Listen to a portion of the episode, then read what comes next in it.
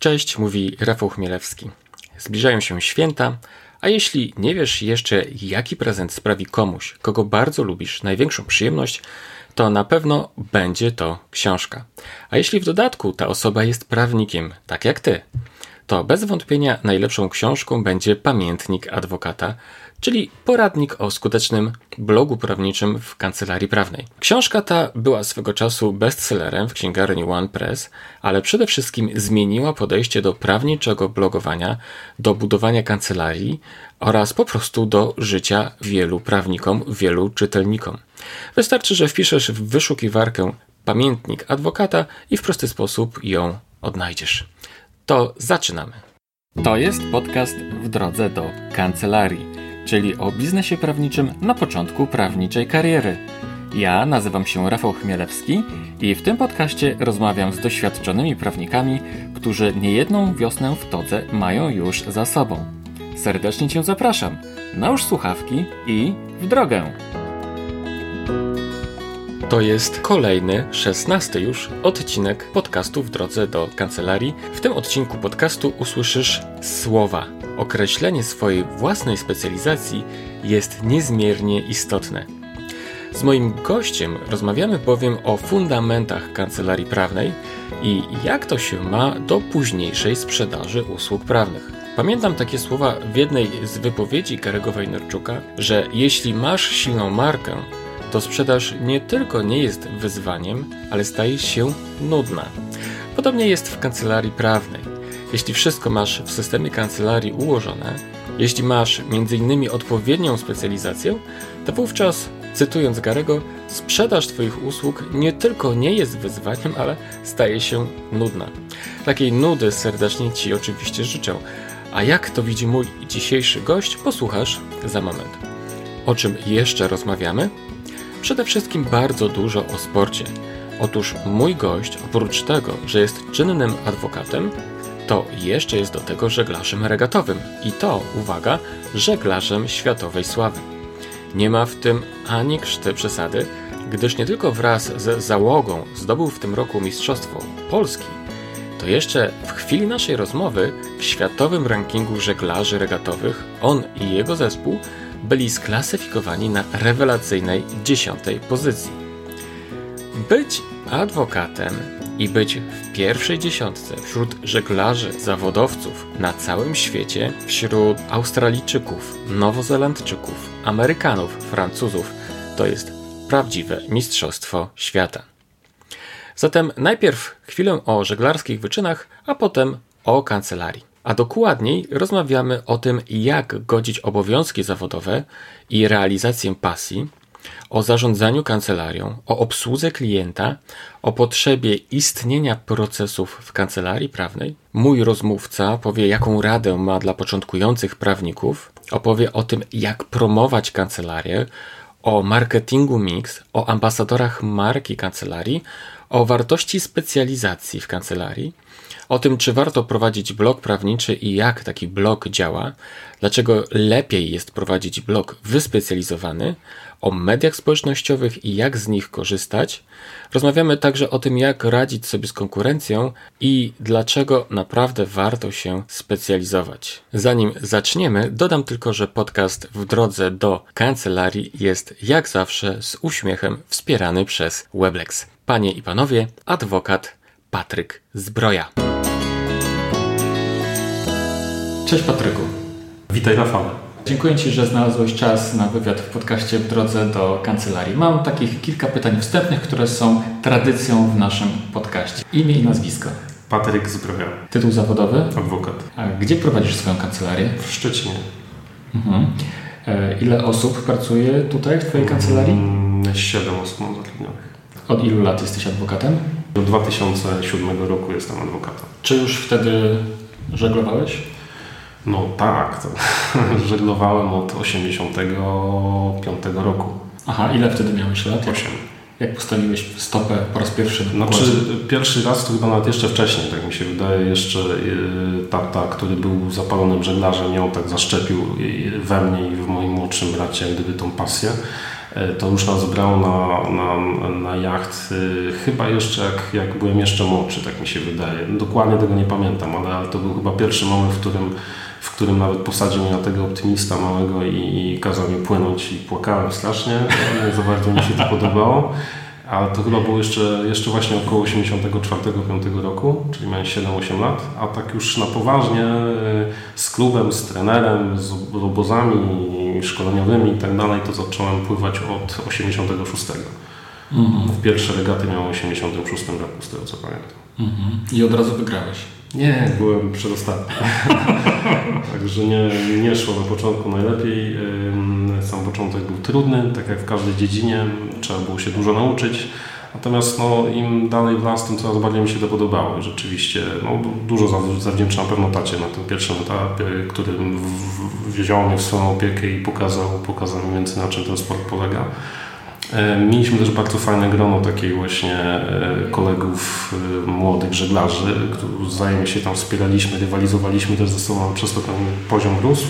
W ramach jak klubu AZS Szczecin, pamiętam, gdzie nawet byliśmy drużynowymi mistrzami Polski. Taka była ta, taka silna ekipa, że rzeczywiście pierwszy raz w ogóle ze Szczecina była tak, tak silna ekipa w 87, jak dobrze pamiętam roku. Mhm. I, mm, I to były jak gdyby pierwsze już takie y, coraz lepsze występy, no a w 88 już rzeczywiście y, udało mi się wygrać pierwsze dwie imprezy ogólnopolskie, wygrać eliminację do Mistrzostw Europy i już takie poważniejsze, poważniejsze wydarzenia i to, to już był taki fajny okres jak na młodego Mhm. człowieka. Mhm. No jak już jesteśmy przy temacie żeglarstwa, to powiem Ci tak, że zazwyczaj pytanie o sport, o to jak dbasz o swoje zdrowie, to, zawsze, to zazwyczaj pada na, pod koniec e, wywiadu. Ale tym razem, w związku z tym, że poświęcasz temu sportowi, mam wrażenie, połowę e, życia, to porozmawiajmy o tym, dobra? Bo to jest niezwykle ciekawe, też z mojej perspektywy. Napisałeś na swoim blogu, muszę Ci się jednak przyznać, że biegać nie lubię, zawsze wolałem przerzucić trochę żelastwa na siłowni lub pojeździć na rowerze. Czy rzeczywiście dużo czasu spędzasz na siłowni i na rowerze? Znaczy więcej niż na bieganiu, to na pewno. Teraz y, rzeczywiście na siłowni chyba najwięcej. Też trochę zależy, bo w tym okresie zimowym to jednak więcej, więcej człowiek siedzi na siłowni. No, przykładowo dzisiaj byłem mm, na porannym treningu i tak raczej trzy razy w tygodniu, dwa razy przynajmniej staram się na tej siłowni ćwiczyć. Jeżeli chodzi o bieganie, no to jest oczywiście jest to chyba najlepszy sport do tego, żeby dobrze trzymać w dobrej kondycji y, w stosunkowo krótkim czasie treningu, bo to też jest istotne, że tego czasu jednak w czasie doby nie ma się za dużo i pół godziny, trzy godziny trening biegacza no to jest tyle, co tam dwie czy trzy godziny jazdy na rowerze i to Tak. oczywiście jest zdecydowanie efektywniejsze. Tak. I jak mam taką okazję i mi się chce, to, to rzeczywiście to, to biegam, aczkolwiek nie godzinę, bo tyle to chyba nie dałbym rady, chociaż raz przebiegłem, rzeczywiście miałem taki dłuższy, dłuższy odcinek. A na rowerze to jak tylko jest możliwość, oczywiście w okresie, zwłaszcza takim wiosenno-letnim, na ten rower w- wyjeżdżać i, y, i zrobić sobie jakiś taki krótki trening po to, żeby w tej kondycji być. Mhm, mhm. E, Bo e, uprawiasz te sporty jako dodatkowe, bo główną Twoją dyscypliną sportową jest żeglarstwo regatowe. Tak jest. To ewidentnie te sporty służą po to, żeby utrzymać się w dobrej kondycji fizycznej. Mamy, musisz wiedzieć, w tej dyscyplinie, którą uprawiamy, również limity wagowe, czyli nie, mo- O. nie, możemy, nie możemy średnio być ciężcy niż 87,5 kg na osobę. A że y, im cięższy, silniejszy człowiek na jachcie, zwłaszcza balastowym, tym lepiej. Także mm, zawsze jesteśmy minimalnie pod kreską, ale Aha. to też powoduje, zwłaszcza w okresie zimowym, kiedy no wiadomo, człowiek mm, więcej siedzi, mniej się rusza, e, że często no, musimy naprawdę się dobrze przygotować, rzucając na przykład parę kilogramów, ale, ale cały czas z siłą. E, Tego to nie. Tego nie Także, także tak jest. No, to, tak, tak akurat jest. Okej. Jak długo uprawiasz ten sport? No to już będzie 33 lata, No tak jak patrząc, patrząc po tych datach. Z króciutkimi przerwami, natomiast nawet w okresie tych przerw gdzieś tam na studiach, no, zawsze starałem się do tego sportu wracać może nie był to taki wyczyn, jak robimy w tej chwili, to rzeczywiście był to sport, który zajmował zawsze, zawsze dużo wolnego czasu. Tak. Mhm, mhm. E, W tym roku razem z załogą zdobyłeś złoty medal żeglarskich Mistrzostw Polski w match racingu. Tak, to prawda. To nasz dotychczasowy największy sukces, jeżeli chodzi o tą dyscyplinę. Mm, po, uprawiamy match racing w sumie mniej więcej tak, tak jak, jak jestem adwokatem, czyli 11 lat, e, Aha. od 2007 roku. To jest, to też Ci mogę parę słów wyjaśnić e, o co chodzi, bo, bo, no bo dużo osób pyta, co to jest ten match racing. Właśnie, co to jest? E, I match racing to jest taka dyscyplina żeglarstwa regatowego, która wygląda nieco inaczej niż klasyczne regaty. E, to jest przede wszystkim dyscyplina, w której występują tylko dwaj przeciwnicy, czyli jest to wyścig jeden na jeden. Tak. E, nie ma, e, nie startuje się większą ilością jachtów, tak jak często gdzieś na tych klasycznych tak. na przykład regatach, nie wiem, Sydney Hobart, Fastnet i tak, tak dalej widać ile tam jachtów jest na jednej linii startu. Tu startujemy tylko jeden na jeden.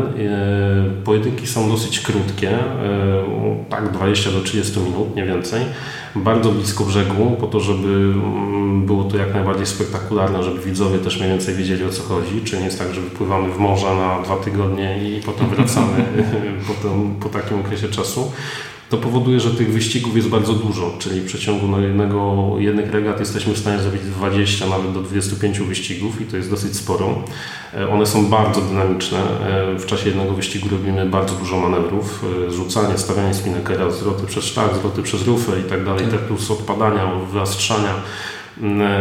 W czasie takiego wyścigu na bieżąco możemy też protestować naszego przeciwnika, czyli na przykład zmuszać go do błędu i narażać go na tak zwaną karę, mhm. którą mogą mu wymierzyć arbitrzy, którzy podążają za nami odpowiednim sprzętem, tak. na ogół ribem i rozstrzygają takie protesty od razu z wody, czyli nie ma jakiejś tam całej procedury protestowej na lądzie.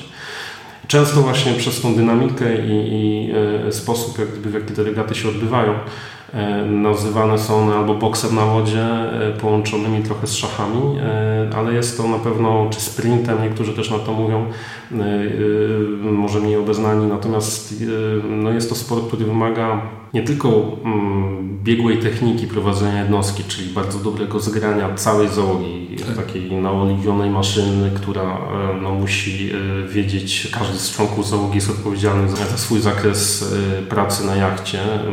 Musimy być zgrani w zakresie każdego manewru. Mało tego, te manewry są często spowodowane określoną sytuacją taktyczną na wodzie, także te manewry muszą być dostosowane do sytuacji taktycznej.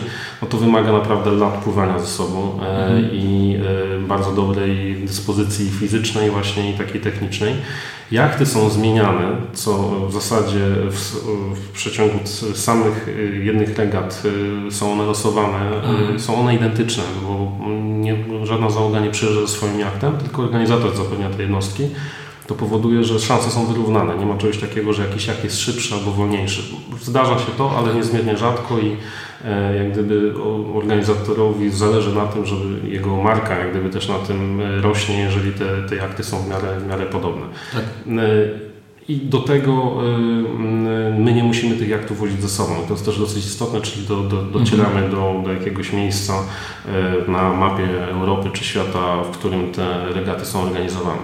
Także mm, to są regaty meczowe. Chyba najbardziej znane regaty meczowe, które są prowadzone na świecie, to są regaty Puchar Ameryki. No właśnie, chciałem napomknąć o tym, że chyba właśnie taki tak. jest match racing w, w tych regatach Puchar Tak, Ameryki. to są dokładnie, one odbywają się na podstawie przepisów meczowych, gdzie jest jeden na jeden i tam akurat w ostatnich edycjach były katamarany, one mają troszeczkę inną trasę niż my mamy na jednokadłubowcach, ale tej chwili jak gdyby też wraca ten Puchar Ameryki do jednokadłubowców, co prawda na już troszeczkę inaczej przygotowanych na, na tak zwanych foilach, także tam prędkości i spektakularność będą na pewno duże, e, e, ale, ale będą to znowu jednokadłubowce, także tak to mniej więcej wygląda. No właśnie, bo tak ostatnio obserwuję rozwój tej dyscypliny i w ogóle żeglarstwa takiego regatowego i widzę, że te jachty w ogóle zaczynają się zmieniać, nie? One mają, zaczynają pływać w zasadzie na hydroskrzydłach. Latać bardziej niż pływać już w tej chwili. Tak, jest taka są, są duże. Wiesz, ja pamiętam kiedyś e, żeglarze regatowi mieli takie czapeczki polo, nie na głowach, a w tej chwili ci na tych jachtach ultra szybkich chodzą w kaskach po pokładzie. Tak jest, tak jest. No tak, tak,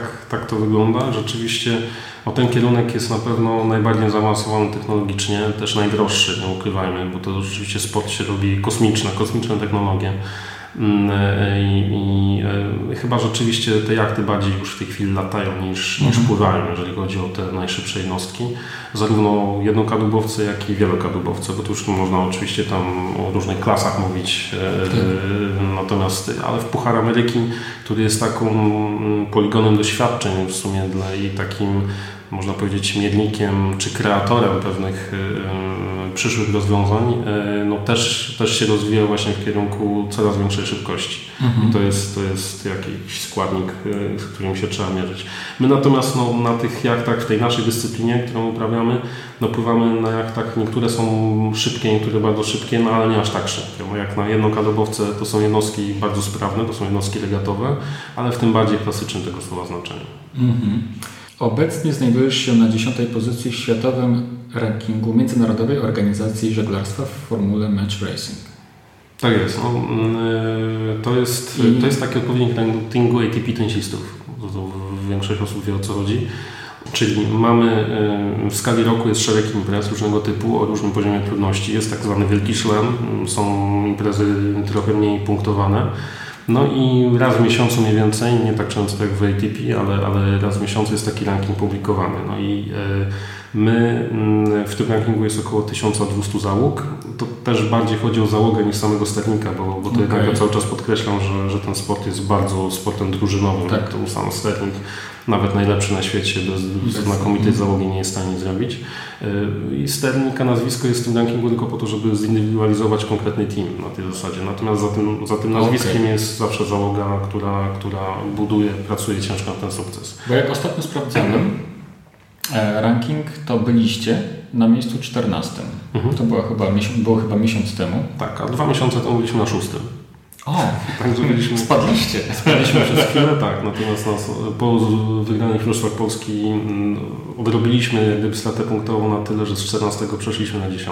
Okay. To jest cały czas zmienne. To jest cały czas zmienne, zwłaszcza na tym, w tym czubie już takim bezwzględnym tej pierwszej 20 światowej, no to tam naprawdę są różnice punktowe bardzo niewielkie i mhm. e, w zależności od tego, czy w danej imprezie zajmujesz pierwszą, czy dru- pierwsze czy drugie miejsce w danym roku, no to wtedy tak. Wtedy ma to znaczenie dla twojej, e, Twoich punktów, które są przyznawane na dany rok, bo oczywiście bronisz też punkty z zeszłego roku, także tak. też dwa lata są istotne dla, dla tego rankingu. Mhm, mhm. A powiedz mi, bo tak się zastanawiam, czy Twoi konkurenci, którzy są e, wylistowani w tym rankingu, są zawodowymi żeglarzami, czy również wykonują inne zawody, tak jak Ty? E, no, w większości przypadków e, są to półprofesjonaliści albo profesjonaliści, czyli zawodowcy. E, I to jest jak gdyby dla nas też kolejny taki element, który daje nam niesamowitą energię, że możemy no z nimi rywalizować na co dzień. Bo no tak jak spojrzy się na pierwszą dwudziestkę tych zawodników, jest kilka nazwisk, jest kilku, kilku zawodników, którzy rzeczywiście wykonują poza tym pracę zawodową. E, e, są wśród nich również prawnicy, natomiast w większości przypadków są to załogi, które, ale nawet jeśli e, sternik, załóżmy, jest osobą, która na przykład jest prawnikiem i spędza dużo czasu na wodzie, zdecydowanie więcej ode mnie, bo, taki, bo takim przypadku mówię, po to, żeby tam trenować i osiągać określone sukcesy, to ma pełną profesjonalną załogę, czyli tej załodze normalnie płaci po to, żeby, żeby normalną pensję tak naprawdę, żeby z nim pływała i startowała, okay. czyli, czyli załodze są zawodowcy tak czy siak. Mm -hmm. To są takie połączenia, czyli nawet jak mówię o tych półprofesjonalistach, to, to jednak z takimi budżetami, które pozwalają utrzymać jak gdyby całość. Nie, domyślam się, bo tam masz, tak, masz Amerykanów, tak, Australijczyków, jest Nowozelandczyk, jest Francuz. Francuzi, tak. Więc to są bardzo mocne teamy. No, to są nacje, które żeglarstwo mają żyłach. No, Właśnie. rzeczywiście to na co dzień, no, na antypodach ten sezon trwa non-stop. Amerykanie, Skandynawowie, Francuzi, to też y, żeglarstwo jest tych, y, Brytyjczycy również, to żeglarstwo również regatowe, y, a zwłaszcza meczowe, które jest, tak jak mówię, to jest taka esencja tego żeglarstwa regatowego, że z tego match racingu jest najwięcej członków Pucharu Ameryki. E, tych zawodowych syndykatów się wywodzi e, i no w większości są to, są to załogi profesjonalne. No, aczkolwiek e, trafiają się też bardzo zdolne załogi również w Polsce, którzy, którzy nie robią tego profesjonalnie, albo to robią rzeczywiście półprofesjonalnie jedynie. Mhm. Czyli skoro oni mają żeglarstwo we krwi, A ty jesteś między nimi, w związku z tym też masz żeglarstwo we krwi. No chyba można tak powiedzieć. można tak powiedzieć, że, że bez tego żeglarstwa yy, no, ciężko bym się widział na, na tym świecie. To, to jest jednak taka dyscyplina, która ładuje akumulatory, dodaje dużo energii yy, i, i daje, daje taki power, mhm. tak zwany fan mhm. który jest potrzebny zarówno do pracy zawodowej, jak i, jak i życia osobistego również. Jasne. Ostatnio wraz z załogą startowałeś także w regatach w Nowym Jorku. Zgadza się. Byliśmy, byliśmy w Nowym Jorku. Mhm. Jak długo tam byliście? Eee, no, klimatyz- aklimatyzacja trwała trochę dłużej. Eee, wyjechaliśmy trochę wcześniej. Eee, natomiast no, łącznie, łącznie zajęło nam to 10 dni. Same regaty to był 3-dniowy okres z jednodniowym treningiem. To tak mniej więcej wyszło. Ale z góry przewidywaliśmy, że, że, że odwiedzimy Nowy Jork. Miałem możliwość być wcześniej, odwiedzić Nowy Jork. Nie był to mój pierwszy raz. Jeden z naszych członków załogi również tam w ogóle pracował przez kilkanaście miesięcy, także też, mhm. też tak podzieliliśmy jak gdyby doświadczenie, jeżeli chodzi o nasze amerykańskie e, wizyty. Mm, e, pozostali chyba byli pierwszy raz, ale e, no, przy okazji zobaczyliśmy, zobaczyliśmy trochę miasta. Regaty było na Long Island, czyli tam kawałek dalej za, za dzielnicami Brooklyn i Queens, mm -hmm. Oyster Bay to jest taka zatoka, tak. która, która jest tam troszeczkę bardziej bliżej Newport mm -hmm. i tam dostaliśmy znakomite jednostki M40, 40-stopowe, 5-osobowe, takie wyglądały jak właśnie takie e, jachty mini Pucharu Ameryki z wielkim kołem sterowym. Tak się czułem trochę jak e, jak rzeczywiście sterling Pucharu Ameryki za, za tym kołem. Ale bardzo fajne, bardzo fajne wspomnienia. Myślę, mm, niemal jestem przekonany, że tam kiedyś wrócimy. Mhm. E, masz jacht, masz załogę, czy macie wspólnie jacht, e, jesteście załogą. Jak często trenujecie i jak takie treningi wyglądają? Tak jak powiedziałem wcześniej, w zasadzie każdy z nas stara się dbać o tą formę fizyczną i sprawność we własnym zakresie. Tutaj akurat jakichś wspólnych treningów na siłowni, czy biegania, czy jazdy na rowerze nie robimy, bo każdy ma jednak plan, e, bo tak. nie jesteśmy, tak jak e, wspominałeś, tak. E, profesjonalistami, czyli wykonujemy własne zawody, każdy inny. Mhm. Mm, I, I to każdy we własnym zakresie stara się robić. Natomiast jeżeli chodzi o samo żeglarstwo, to aktualnie jesteśmy na takim etapie, e, że staramy się e, bazować na jednostkach, startować w regatach na jednostkach, które znamy, czyli taki bardzo szczegółowy trening nie jest potrzebny.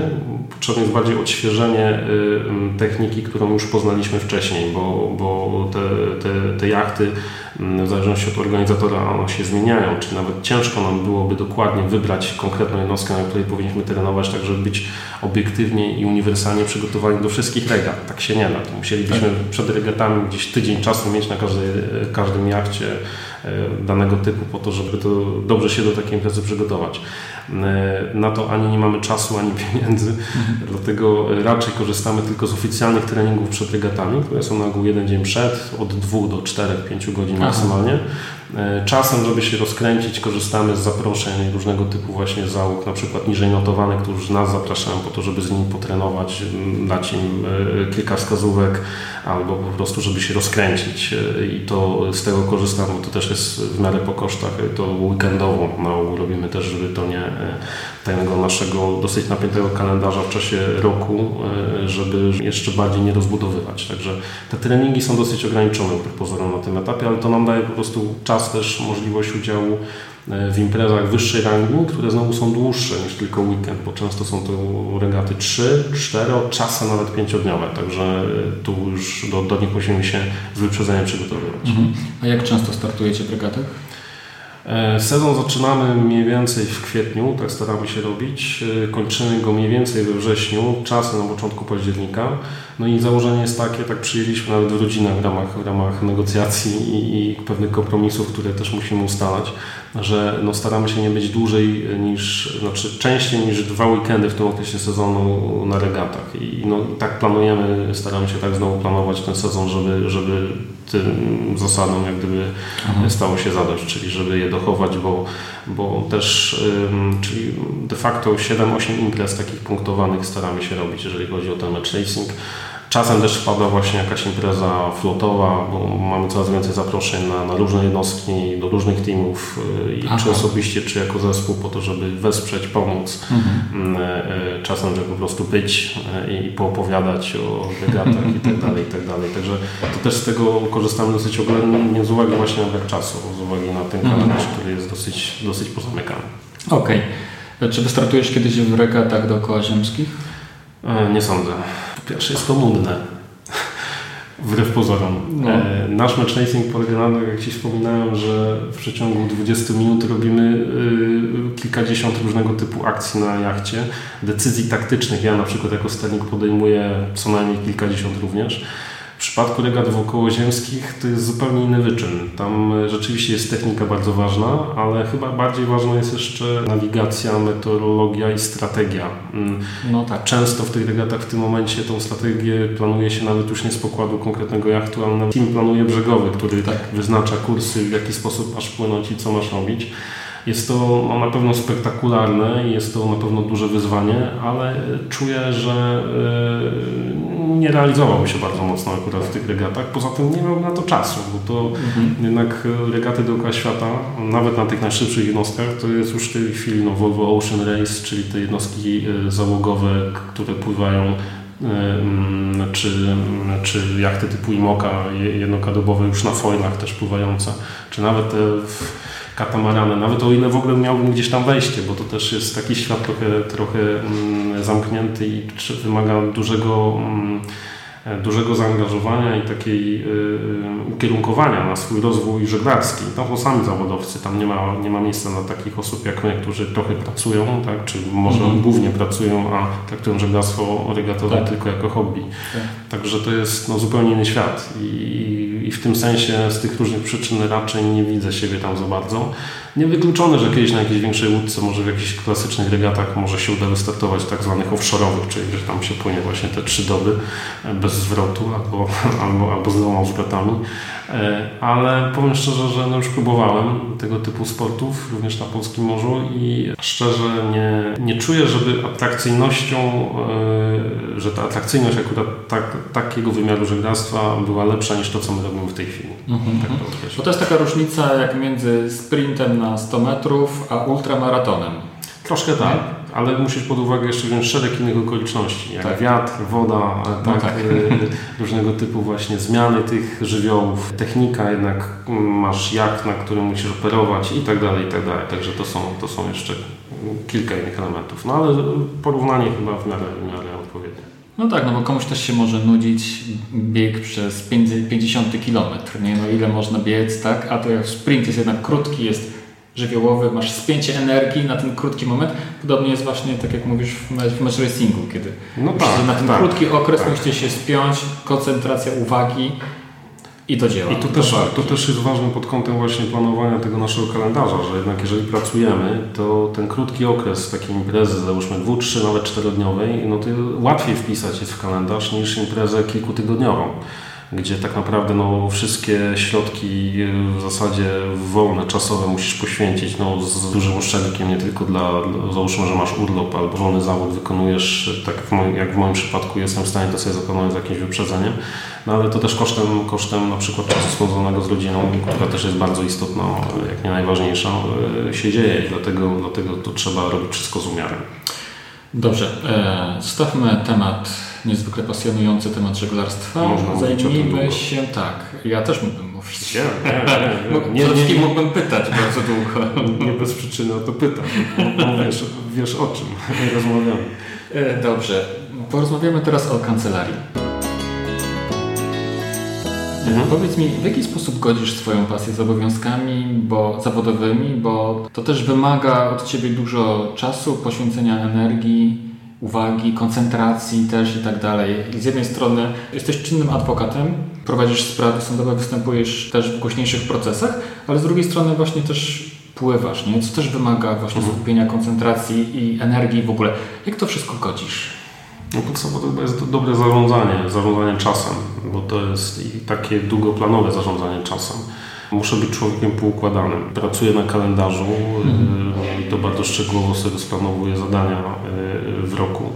Sam kalendarz regat no, staramy się układać już wstępnie, praktycznie na początku stycznia. Jestem w stanie powiedzieć, co w dany weekend do końca 2019 roku będę robił. Także to mniej więcej jest z takim, z, z takim doprecyzowaniem i potem już tylko niewielkie odchyły jak gdyby od tych, od tych planów się zdarzają. To jest jak gdyby, jeżeli chodzi o kalendarz żeglarski, a to powoduje, że jestem w stanie dopasowywać również obowiązki zawodowe łatwiej. Tak. Plus oczywiście te, te zobowiązania rodzinne łatwiej, łatwiej do takiego planowania. No i teraz bazuję na kalendarzu i też na co dzień korzystam z kalendarza. Oczywiście no ja wychowywałem się, kiedy jeszcze może nie było tak szczegółowych aplikacji e, komputerowych czy internetowych, które, które były dużym wsparciem, także jestem trochę przywiązany do kalendarza papierowego, gdzie widzę ten tydzień swój na przykład i mogę sobie zaznaczać Ja też jestem przywiązany do takiego. tak, długopisem skreślać, że załatwione, tak? To, to, jest, to jest trochę lepsze, natomiast powoli się przyzwyczaiłem już do tych digitalizmów, tak? czyli do internetowego kalendarza również, e, gdzie, gdzie stanowi on e, dużą pomoc, zwłaszcza przy planowaniu rozpraw, spotkań, jakichś kontaktów z klientami, gdzie jako prowadzący kancelarię no, też główny nacisk mam jednak na reprezentacji kancelarii, nawiązywanie relacji, utrzymywanie i zdobywanie klientów dobrą obsługą tych klientów, bo mhm. też jest szczególnie istotna jakość obsługi tego klienta po to, żeby się dobrze na rynku utrzymać i dalej rozwijać. Chyba od tego trzeba zacząć, czyli dobrym zarządzaniem własnym czasem. A poza tym no, lubię pracować i robić to, co się lubi, bo, mhm. bo jeżeli tego nie lubisz, y, masz opór, no to cokolwiek będziesz działał w kierunku właśnie takim zawodowym, y, będziesz się tym męczył, no to, to będzie miało to wpływ na, na Ciebie również w wszelkich innych dziedzinach, które wykonujesz. A no, ja staram się łączyć hobby z zawodem i to jest, to jest też dosyć istotne. To y, myślę, że to też ułatwia mi trochę pracę, ponieważ prowadzona przeze mnie kancelaria głównie specjalizuje się w dziedzinie obsługi prawnej przedsiębiorców na rynku gospodarki morskiej i przemysłu jachtowego. Aha. I to jest zdecydowanie łatwiej nie tylko rozmawiać z klientami, e, czy potencjalnymi, czy aktualnymi, tak. na temat tego, gdzie jest dziób, rufa, lewa, prawa burta, czy to statku, e, czy to jachtu, e, czy, czy żaglowego, czy motorowego, no tak. ale i też łatwiej, łatwiej rozmawiać nawet o, o krótkiej przerwie w pracy mojej osobistej w sytuacji, kiedy mam jakieś legaty i klient wie, że, że to jest związane jak gdyby też z funkcjonowaniem e, tak. mnie jako prawnika również i i nie mam z tym żadnego problemu. Klienci, którzy, którzy są dookoła, doskonale to rozumieją, doskonale wiedzą, że tak sytuacja wygląda. Mało tego, i to też jest istotne, oni oczywiście przez to, że jestem na regatach, to nie tracą kontaktu z kancelarią, tylko że w czasie mojej nieobecności kancelaria funkcjonuje, czyli mamy, mamy grono e, tutaj współpracowników, którzy na każdą potrzebę takiego klienta również w razie potrzeby, nawet jak mnie nie ma, to odpowiedzą mhm. i za, odpowiednio zareagują. Także to też jest istotne, żeby ten zarządzanie jak gdyby czasem i swoim i, i planowaniem jak gdyby trochę z wyprzedzeniem e, pracy całego zespołu dobrze uskuteczniać, tak żeby po prostu wzajemnie się uzupełniać w zakresie obsługi klienta takiej jak najlepszej, tak? Czyli, tak. czyli ta jakość musi być rzeczywiście taka, żeby klient czuł, że niezależnie od tego, czy ja fizycznie jestem na miejscu, nie wiem, w Szczecinie przy swoim biurku w kancelarii, czy też nie, tak. bo też zdalnie czasem mi się zdarza brać komputer i gdzieś tam nawet na regatach e, odpisywać na maile, e, to to tak czy siak klient czuje, że, że obsługa jest prowadzona na stop. I to też jest bardzo ważny element, żeby to w miarę grało. Mhm. E, na pokładzie sukces zależy od pracy całego zespołu i podobnie też jest na pokładzie kancelarii. E, czy tak jest, doświadczenia wyniesione z pokładu jachtu wpływają na zarządzanie przez Ciebie kancelarią? No powoli się tego uczę, powiem szczerze, bo też y, zarządzanie kancelarią też jest proces, który, który przez który trzeba przejść, go jakoś przygotować. Y, y, staramy się, staramy się no, podążać jak gdyby za nie, nie, chodzi tu nawet o trendy, tylko chodzi o pewne takie instrumenty, które są istotne dla, dla funkcjonowania kancelarii, czyli tak, żeby żeby rzeczywiście każdy wiedział e, po pierwsze po co jest ta kancelaria, jaki ma cel, jaką ma misję, e, why, tak? Mhm. dlaczego, dlaczego ona funkcjonuje i mhm. w jakiej branży działa, żeby ten każdy z prawników czy wiedział, gdzie jest osadzony, jaki ma zakres obowiązków, jaki ma zakres kompetencji. E, i, no, staramy się tu wdrażać. Oczywiście popełniając pewnie jak każdy człowiek, który, który stara się e, działać, popełniając czasem większe, czasem mniejsze błędy, ale ogólnie czuję, że, że ten rozwój kancelarii w oparciu właśnie też o pewne również techniki chyba y, zarządzania ludźmi czy, czy kierowania zespołem na, na, na jachcie, bo to się dużo nie różni tak pozorom. Udaje się no, skutecznie jak gdyby y, mm -hmm. pchać dalej, może tak to określić. Mm -hmm. Bo rzeczywiście tak jest, że, że y, no, jeżeli masz na pokładzie jachtu y, kilka różnych osób o różnych specyfikacjach i osobowościowych, tak, i różnych kompetencjach, z różnym doświadczeniem, przyzwyczajonych na przykład do różnych e, zagadnień, którymi się zajmują, to podobnie jest w kancelarii. To mm. masz e, osoby w różnym wieku, mm. o różnych osobowościach, e, różnym doświadczeniu zawodowym, różnych predyspozycjach nawet mm. związanych z wykonywaniem określonych zadań, które ty musisz też tak naprawdę stwierdzić, ogarnąć, ustalić, że takie funkcjonują i zastanowić się, w jaki sposób te osoby wzajemnie pouzupełniać, tak mhm. żeby kancelaria no, płynęła razem e, w odpowiednim kierunku, tak, mm -hmm. w wyznaczonym kierunku przez sternika. Super analogia. A powiedz mi, Patryku, czy masz jakąś generalną radę dla początkujących prawników? Przede wszystkim, żeby realizowali swoje marzenia, żeby tego się nie bali, żeby starali się, starali się dążyć do e, nawet w tym zawodzie, do takich spraw, które sprawiają im przyjemność, które, których się czują dobrze. E, które, e, o których chcieliby rozmawiać ze swoimi klientami, a nie tylko, na przykład przy piwie z kolegą, bo wtedy mm, angażują się całym sobą w, z jednej strony właśnie w realizację czy wykonywanie określonego zlecenia, które dał im klient, a z drugiej strony y, ani nie marnują swojego talentu, mhm. wewnętrznie odczuwają, że na przykład tak się dzieje, ani mm, nie idą w, w takim kierunku dla siebie nie do końca określonym. E, ważnym jest, żeby ten kierunek sobie wyznaczyć, jakąś strategię do tego dobrać, e, na parę lat do przodu na przykład, no i tą drogą podążać. Mhm. Powiedz mi, w jaki sposób promujesz swoją kancelarię? W moim przypadku jest to typowy marketing mix, mhm. czyli z jednej strony oczywiście blogi, które są bardzo istotnym narzędziem do promowania. E, akurat w przypadku tej dziedziny, tej gałęzi prawa, którą ja się zajmuję przede wszystkim i którą kancelaria gdyby opiera swoją główną działalność, e, to blog jest bardzo ważnym elementem, ale nie samoistnie, tylko wzmacniającym jakby wizerunek kancelarii, bo wcześniej czy później każdy klient potencjalny czy aktualny na ten blog trafia. Tak. Dosyć ważnym elementem jest również w moim przypadku publikowanie e, na portalach właśnie specjalistycznych, czyli poświęconych branży, e, przykładowo gospodarce morskiej czy właśnie temu przemysłowi jachtowemu, gdzie raz na jakiś czas e, publikujemy wspólnie w ramach kancelarii no właśnie jakieś artykuły na tematy, które mogą dotyczyć przedsiębiorców, które w tych branżach występują. Także tam staramy się również istnieć. Ważne są konferencje różnego typu branżowe również, w których mm -hmm. też ja osobiście staram brać się udział albo, albo prawnicy z kancelarii z jakąś krótką analizą jakiegoś tematu, gdzie ten szyld czy logo kancelarii są zauważalne i wcześniej czy później kilka wizytówek zostanie rozdanych i kilka wizytówek zostanie odebranych i te relacje można albo nawiązać, albo pogłębić. Mm, no, ważne są oczywiście osobiste, osobiste relacje z klientami, w szczególności zadowolonymi klientami, czyli ten dbanie o obsługę, o należytą jakość wykonywanych usług. I to nawet przy czasami przegranych sprawach, bo, bo nie wszystkie sprawy się wygrywa, zwłaszcza sądowe. Natomiast niezbędnie ważne dla klienta jest to, żeby on czuł, że jest w dobrych rękach. Tak jak e, kiedyś mówił generał Szarkow, że nawet najlepszy dowódca może być pokonany, ale zaskoczony nigdy. Także mm -hmm żeby klient czuł, że ma do czynienia z profesjonalną obsługą, e, musi wiedzieć, że ma kilka wariantów wygrania sprawy, przegrania itd. Tak itd. Tak mhm.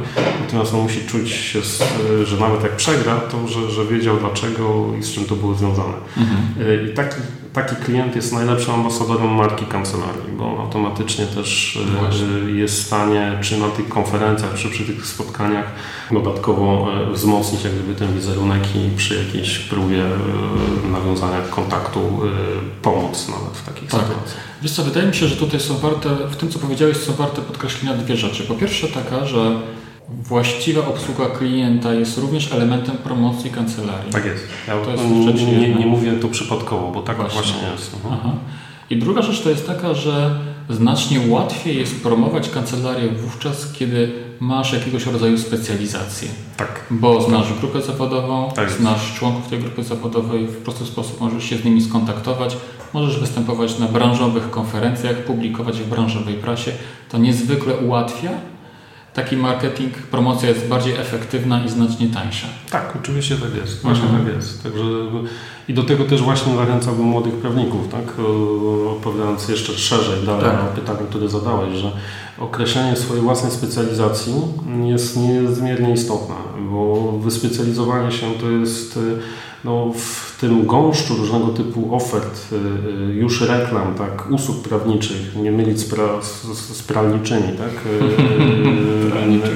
że rzeczywiście potencjalnemu klientowi jest niezmiernie ciężko w, dokonać wyboru. I wyróżnienie się określoną specjalizacją to jest naprawdę połowa sukcesu. I mhm. jeżeli dążysz jeszcze dalej w tym kierunku, żeby rozwijać się i rozwijać te narzędzia, te instrumenty właśnie tego marketingu usług prawniczych, o których wspomniałem, które też mhm. znakomicie czujesz i wiesz w ramach grupy Weblex na czym to polega. Mhm. Zresztą też od Ciebie wielu rzeczy się nauczyłem, także to, mhm. y, to jest y, jak najbardziej przydatne i, i warte podkreślenia. E, prowadzisz dwa prawnicze blogi. Czy warto prowadzić blog? To powiedziałeś wcześniej, że, że warto. Tak, ja myślę, że wszystko zależy, y, wszystko też zależy od y, tego właśnie doprecyzowania, y, co chcemy robić, czyli czym się zajmować. I teraz oczywiście te blogi, no, z mojego doświadczenia już widzę, to jest dosyć ciekawe, bo o ile blog o odszkodowaniach zacząłem jako pierwszy i bo też dużo spraw tego tytułu, tego tytułu prowadziliśmy i do tej pory prowadzimy, natomiast nie jest to może już główny tak. procent naszej działalności jako kancelarii. Natomiast on, e, no szczerze mówiąc, też jest takim perpetuum mobile, o którym zawsze wspominasz, czyli e, pomimo tego, że może moje wpisy już nie są tak częste na tym blogu, tak jednak wiele osób cały czas i komentuje, i się tam wpisuje i mhm. poprzez ten blog zadaje mi różnego typu pytania, nawiązując relacje, z których w wielu przypadkach zdarzają się również zlecenia. Tak? Mhm. Nie tak dawno, wczoraj, dobrze mhm. pamiętam, z bloga, jak gdyby skontaktował się z mną dziennikarz Gazety Prawnej, który, który analizuje nowy projekt ustawy w sprawie właśnie dochodzenia roszczeń z deliktów, który jest akurat obecnie przedmiotem grupki parlamentarnej. Aha. E, I właśnie z bloga zadał mi kilka pytań, czy mógłbym skomentować pewne Aha. elementy i to też skomentowałem. Dzisiaj się już ten artykuł pojawił mhm. na, na łamach Gazety Prawnej. No, na tym te blogi polegają również i to też tak. ta, ta, ta synergia właśnie z tego typu y, y, innymi publikatorami też ma miejsce. E, także, e, tylko że trzeba, e, wydaje mi się, że tak na swoim przykładzie widzę, że inaczej trochę się pozycjonuje blog, który jest nastawiony na większy mm, obrót jak gdyby w sieci z uwagi na tematykę, którą porusza, mhm. gdzie niestety też pojawia się szereg różnego typu no, relacji, z którymi trzeba się zmierzyć, a które nie do końca prowadzą do pozyskania zlecenia. Tak a inaczej y, pozycjonuje się blog, który jest wsparciem, tak jak mój drugi blog, taki tak. bardziej osobisty, związany właśnie z tym prawem w stoczni, w porcie i na wodzie, który jest bardziej uzupełnieniem tej marki i wizerunku, który, który no, staram się też przedstawiać jako bardzo spójny w zakresie i mojego hobby i dotychczasowych doświadczeń i obsługi prawnej przedsiębiorców w danej branży. Bo tam jest ruch zdecydowanie mniejszy, tak. natomiast on jest na tyle wartościowy, że ja wiem, że każda osoba, która tam wchodzi, to jest zainteresowana tematem, tak. o którym pisze. Mhm. Bo to, to, to, już, to już jest tematyka y, bardziej wyspecjalizowana już zupełnie. Tak. I, y, ale też czuję, że to mi daje, daje duże wsparcie, taki blog, bo wiem, że w wielu przypadkach mogę, czy właśnie z takimi osobami, z takimi klientami, z którymi się potem mm, spotykam osobiście porozmawiać na, e, w zakresie tematyki, którą, którą na tym blogu poruszamy. Przykładowo. Mhm. mhm. To są y, dwa różne blogi. Różnica jest w koncepcji. Ten pierwszy blog, to, jest, to ja nazywam blogiem przedmiotowym, właśnie mhm. który się skupia na tym, żeby pozyskać z sieci jak najwięcej ruchu, tak. mhm. a ten drugi blok jest blokiem typowo podmiotowym, branżowym, gdzie już nie pozyskujesz ruchu z sieci, on bardziej działa właśnie na zasadzie budowania relacji. Tak to jest, jest ta różnica między tymi, tak. tymi dwoma blogami. Idźmy dalej. E, czy warto korzystać z mediów społecznościowych? No myślę, że nie ma za bardzo wyjścia w dzisiejszym świecie. Jeżeli chodzi o kwestie związane z działalnością zawodową, jak najbardziej tak, bo, bo to jest też jeden z elementów dosyć istotny na budowanie właśnie relacji e, z ludźmi, z aktualnymi klientami, potencjalnymi klientami. Dajesz się mm, poznać. E, oczywiście musisz zachować określone ramy określone zasady funkcjonowania, e, tak żeby Twój wizerunek był po pierwsze wiarygodny, spójny, no ale też musi zdawać sobie sprawę, że jeżeli na przykład gdzieś wyrazi swoje niezadowolenie na przykład z aktualnego kierunku linii politycznej rządzących w naszym państwie, tak jak ja czasem to robię, się do tego przyznaję, no to, to nie każdy będzie się z tym zgadzał, tak? I, i być może na przykład nie każdy klient, nie każdy klient sobie pomyśli, aha, to jest ten prawnik, z którym chciałbym współpracować, bo ma inne poglądy polityczne na przykład od moich.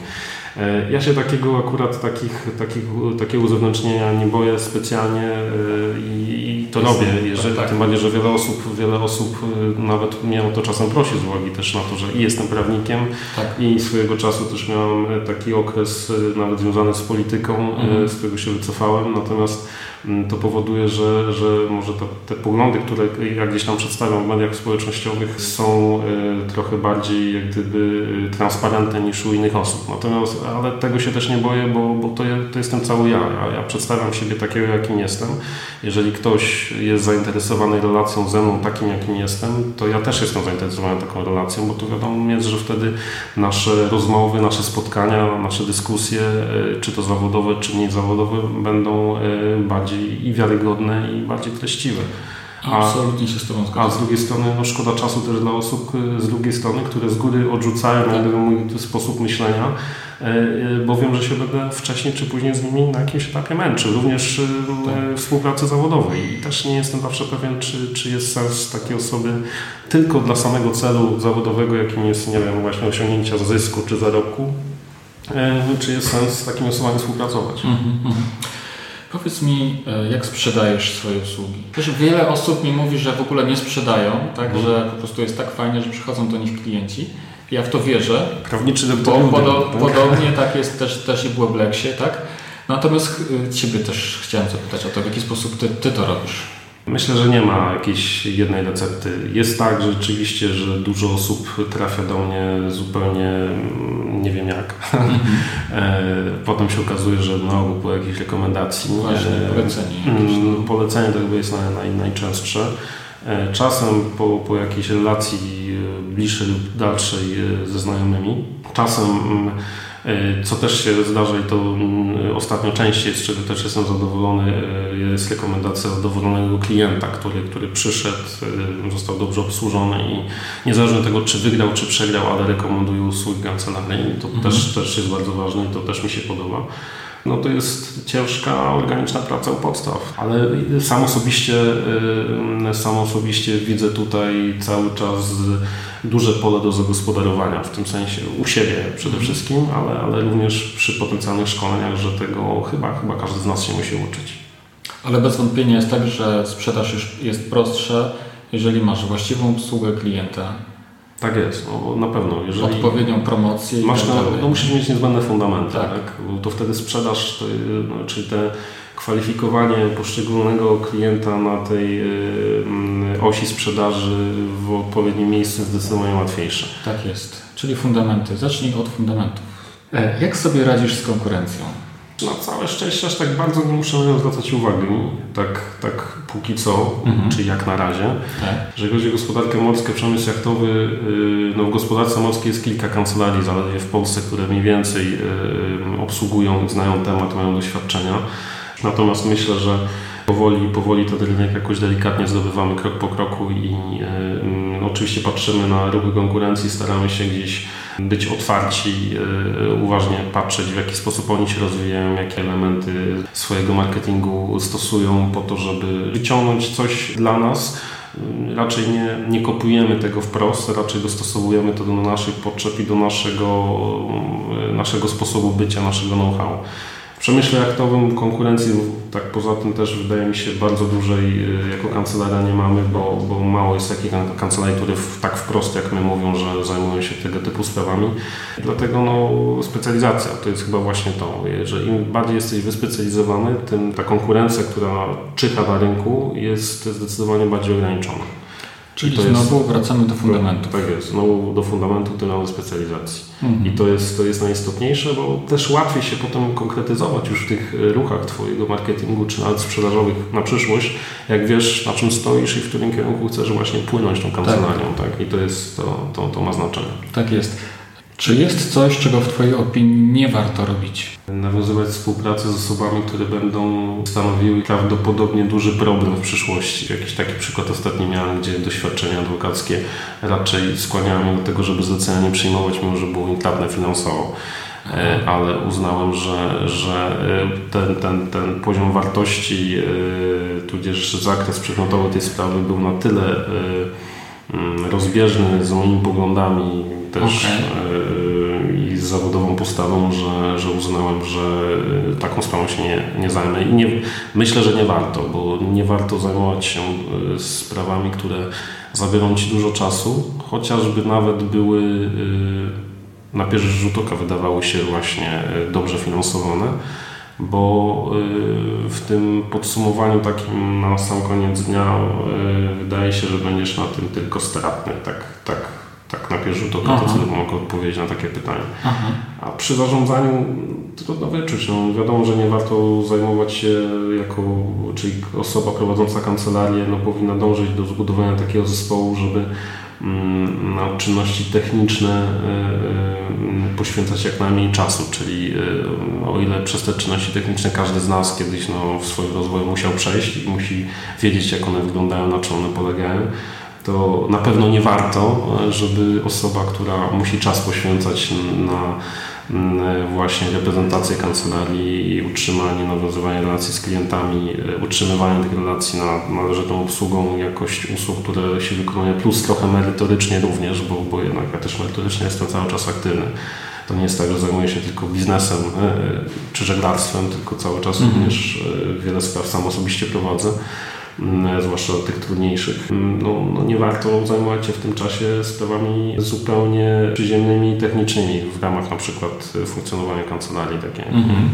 Przygotowanie załączników, kserokopia czy skanowanie dokumentów, to też trzeba tak sobie, mm, myślę, poukładać w ramach e, zespołów, w którym się pracuje, żeby to robiły osoby, które e, są do tego bardziej e, mhm. przygotowane. Mhm.